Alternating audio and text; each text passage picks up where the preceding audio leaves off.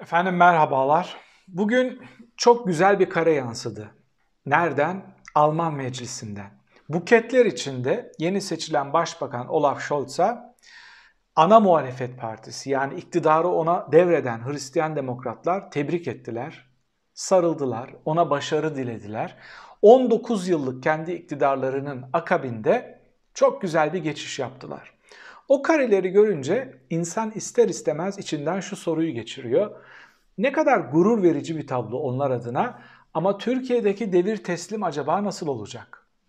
Merkel son gezilerinin tamamına artık başbakan olma ihtimali çok yüksek olan Olaf Scholz'u yanında götürdü.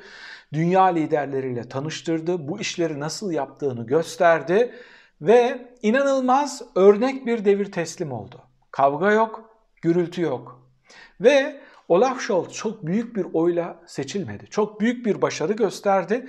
%15'ten aldığı partisini %26'ya çıkarttı ama Merkel aday olmuş olsaydı pandemiyi o kadar güzel yönetti ki o kadar pozitif bir imajı vardı ki partisinin oyu onun olduğu dönemde %30'larda görünse de kendisine olan güven bir ara geçtiğimiz yıl %54'e kadar çıkmıştı. Yani isteseydi aday olabiliyordu, isteseydi başbakan olarak yoluna devam edebilecekti. Tüm bunları yapmadı. Dedi ki yoruldum. Biraz uyuyacağım, kitap okuyacağım ve hayatımı bu şekilde devam ettirmeye çalışacağım. Merkel Berlin'de kirada oturuyor. Bir villada oturtmuyor. Bir apartman dairesinde kirada oturuyor. 19 yıl Almanya'yı yöneten kadının büyük büyük konvoyları yoktu. O arabaları üreten ülkede olmasına rağmen özel uçan lüks sarayları yoktu. Yeryüzünde de gökyüzünde de sarayları yoktu. Peki size bunu anlatmayacağım. Bugün size Merkel'i de anlatmayacağım. Almanya'daki iktidar değişimini de anlatmayacağım. Size anlatacağım şey şu. Türkiye'nin beka sorunu.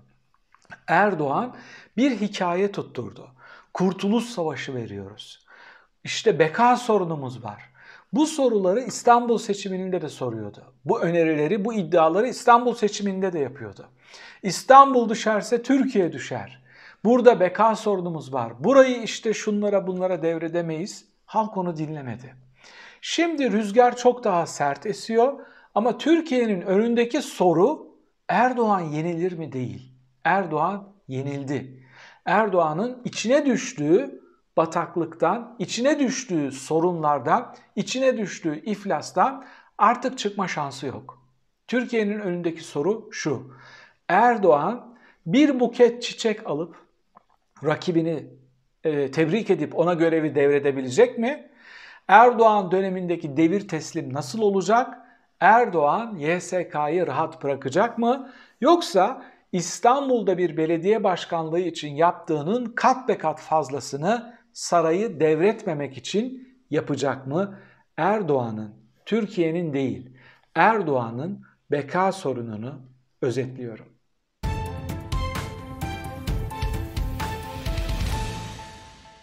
Erdoğan artık 50 artı 1'i bulamıyor. Üst üste koyun, yan yana koyun, toplayın, çıkartın, bölün hatta çarpın. Çıkmıyor. 50 artı 1 çıkmıyor, çıkmayacak. Erdoğan birçok şeyi kaybetti. Tüm kaybettiklerinin tek bir sebebi var. Kendine olan aşkı. Kendine olan aşkı, şahsına o kadar ineniyor, o kadar güveniyor ki bu halk kesinlikle benden vazgeçmez. Onun için ne eski arkadaşlarıma ihtiyacım var, ne partnerlik kurduğum farklı güç odaklarına ihtiyacım var. Hepsini sokağın ortasına koydu ve aşık olduğu şahsıyla birlikte tek adam rejimini inşa etti. O şahsın üstüne kurduğu sistem çöktü. Erdoğan da yani şahsı da o çöken sistemin altında kaldı.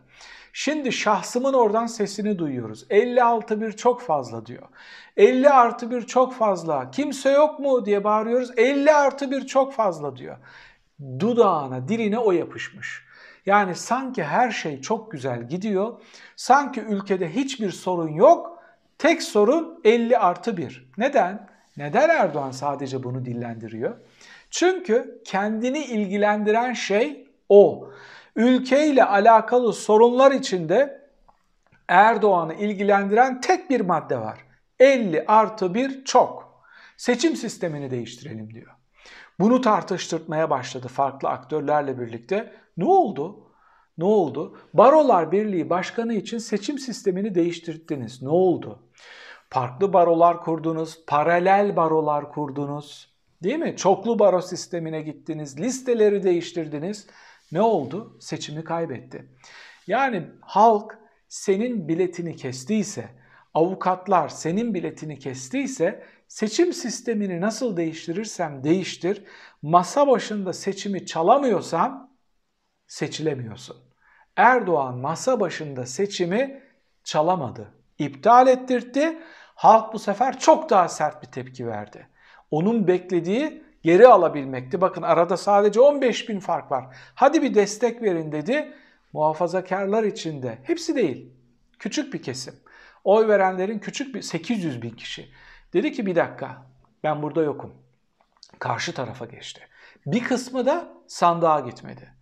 Şimdi karşımızda şöyle bir fotoğraf var. Evet, Türkiye için bir beka sorunu var ve bu beka sorunu ülkedeki iktidarı devretmemek üstüne hesap yapan Erdoğan.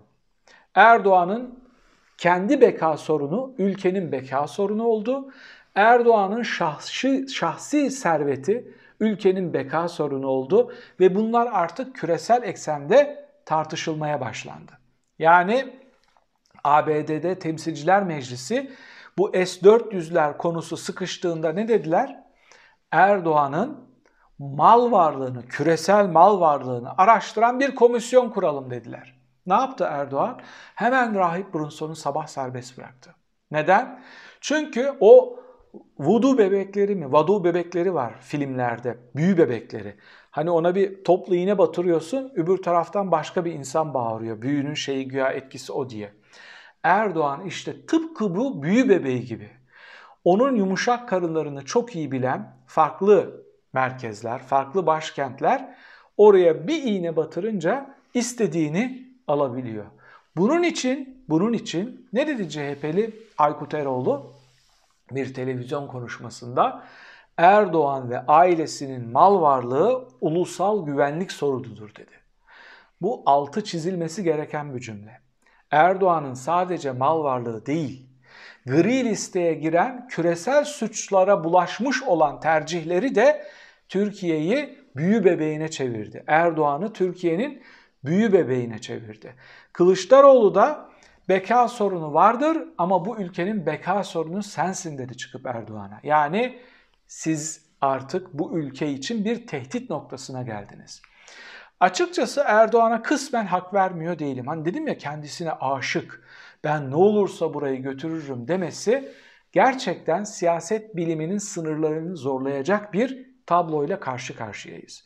Medyayı çok iyi yönettiği için, medyanın tamamına yakınını ele geçirdiği için şu büyük iflasla ve kurumların tamamını, parti kurumu, şahsım kurumu, yap, kurumu yaptığı için şu büyük iflasa rağmen hala arkasında %30'luk bir kitle duruyor. Hala %30'luk bir kitle durabiliyor. Dolayısıyla bu tablonun üstünden söylenecek söz şudur. Türkiye'nin bundan sonra muhalefetin önünde iki tane ev ödevi var. Bir, seçim güvenliğini nasıl organize edeceğiz ki Erdoğan İstanbul'da yaptıklarını tekrar yapmasın, yaptıramasın. Bakın o kadar farklı yerlere savrulabiliyorlar ki o kaybetmeyi gördükleri zaman neler yapabileceklerini şuradan görün. Osman Öcalan'ı TRT'ye çıkarttılar. Abdullah Öcalan'a mektup yazdırttılar Kürtleri ikna edebilmek için. Sandığa gitmesin, halkın arzuları orada tecelli etmesin diye. Olmadı, bütün oyları tekrar saydırttılar. Yetmedi, kazandıkları oyları ayırıp kazanamadıkları aynı zarftan çıkan kazandıkları oyları ayırıp kazanamadıklarını iptal ettirdiler. Yani bu korkunç tablo üstünden hepimiz tedirginiz, hepimiz şunu biliyoruz. Herkes saatlerini ona ayarlamış durumda. Erdoğan o akşam için bize ne hazırlıyor? Erdoğan'ın o akşam size hazırladıklarının vuku bulamaması için hali hazırdaki AKP'li seçmeni ikna etmeniz gerekiyor. %30'u görmemeli. %20, %25'in üstüne çıkamamalı. Öyle ezici bir çoğunlukla, öyle güçlü bir adayla seçimi kazanmalısınız ki o akşam farklı bir şey düşünse bile o düşündüğünü yapması için emir vereceği adamların patron buraya kadardı. Yol bitti. Kusura bakma. Benim de çoluk çocuğum var. Sen çoluk çocuğunu koruyup onları yaşatabilmek için bir ülkeyi ateşe atmaya hazırlandığın gibi bizim de geleceğimiz var ve bu ülkenin evlatlarının gözünün içine bakamam ben demesi lazım. Ha yok 15 bin oy, 20 bin oy, 50 bin oy böyle küçük farklarla, küçük şeylerle giderseniz çok çok çok farklı bir yerlere toslayabilirsiniz. Bence muhalefet bunu gördüğü için, özellikle İyi Parti bunu görmeye başladığı için bir şeyler söylemeye başladılar. Bir hafta önce Meral Akşener çıktı, başkan adayımızı işaret etti. İstanbul'da Ekrem İmamoğlu'na siz bize Cumhurbaşkanlığı seçiminde lazımsınız dedi. Yani Kılıçdaroğlu'na mesajı kamuoyu önünde veriyor. Diyor ki lütfen yapmayın. Yani bu hesabı yapmayın. Dün Koray Aydın aynı partinin genel başkan yardımcısı ve kurucu başkanlarından, kurucu aktörlerinden çıktı dedi ki açıkça daha net bir dille Kılıçdaroğlu'nun adaylığına karşıyız.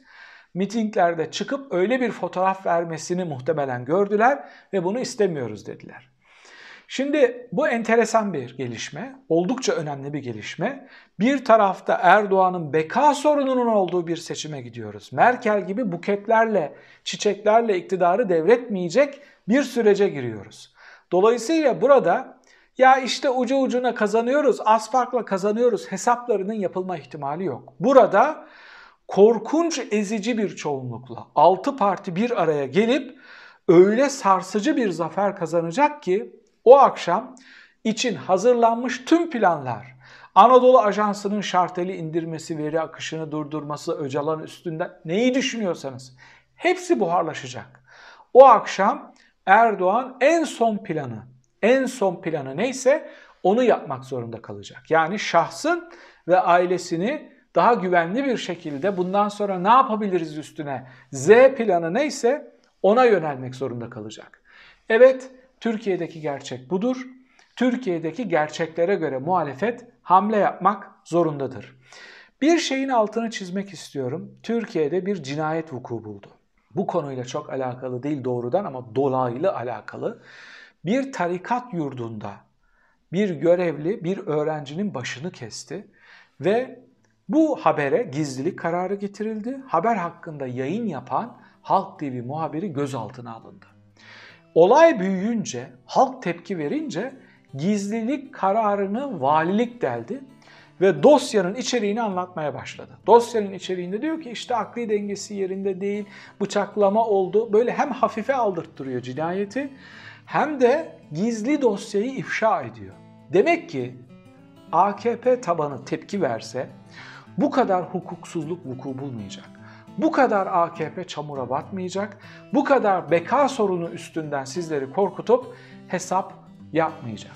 Ben İstanbul'da da aynı kartı kullanmışlardı. İstanbul'da da seçim kaybedilirse şurası düşer, burası düşer, bu beka sorundur demişlerdi. Tutmadı. Türkiye'de de bunun tutmayacağını öngörüyorum. Siz beka sorunu tehdidinin etkili olabileceğini, seçim sonuçlarını değiştirebilecek kadar etkili olabileceğini düşünüyor musunuz? Bunu tartışabiliriz yorum köşesinde. Bir sonraki yorumda tekrar birlikte olmak üzere efendim. Hoşçakalın.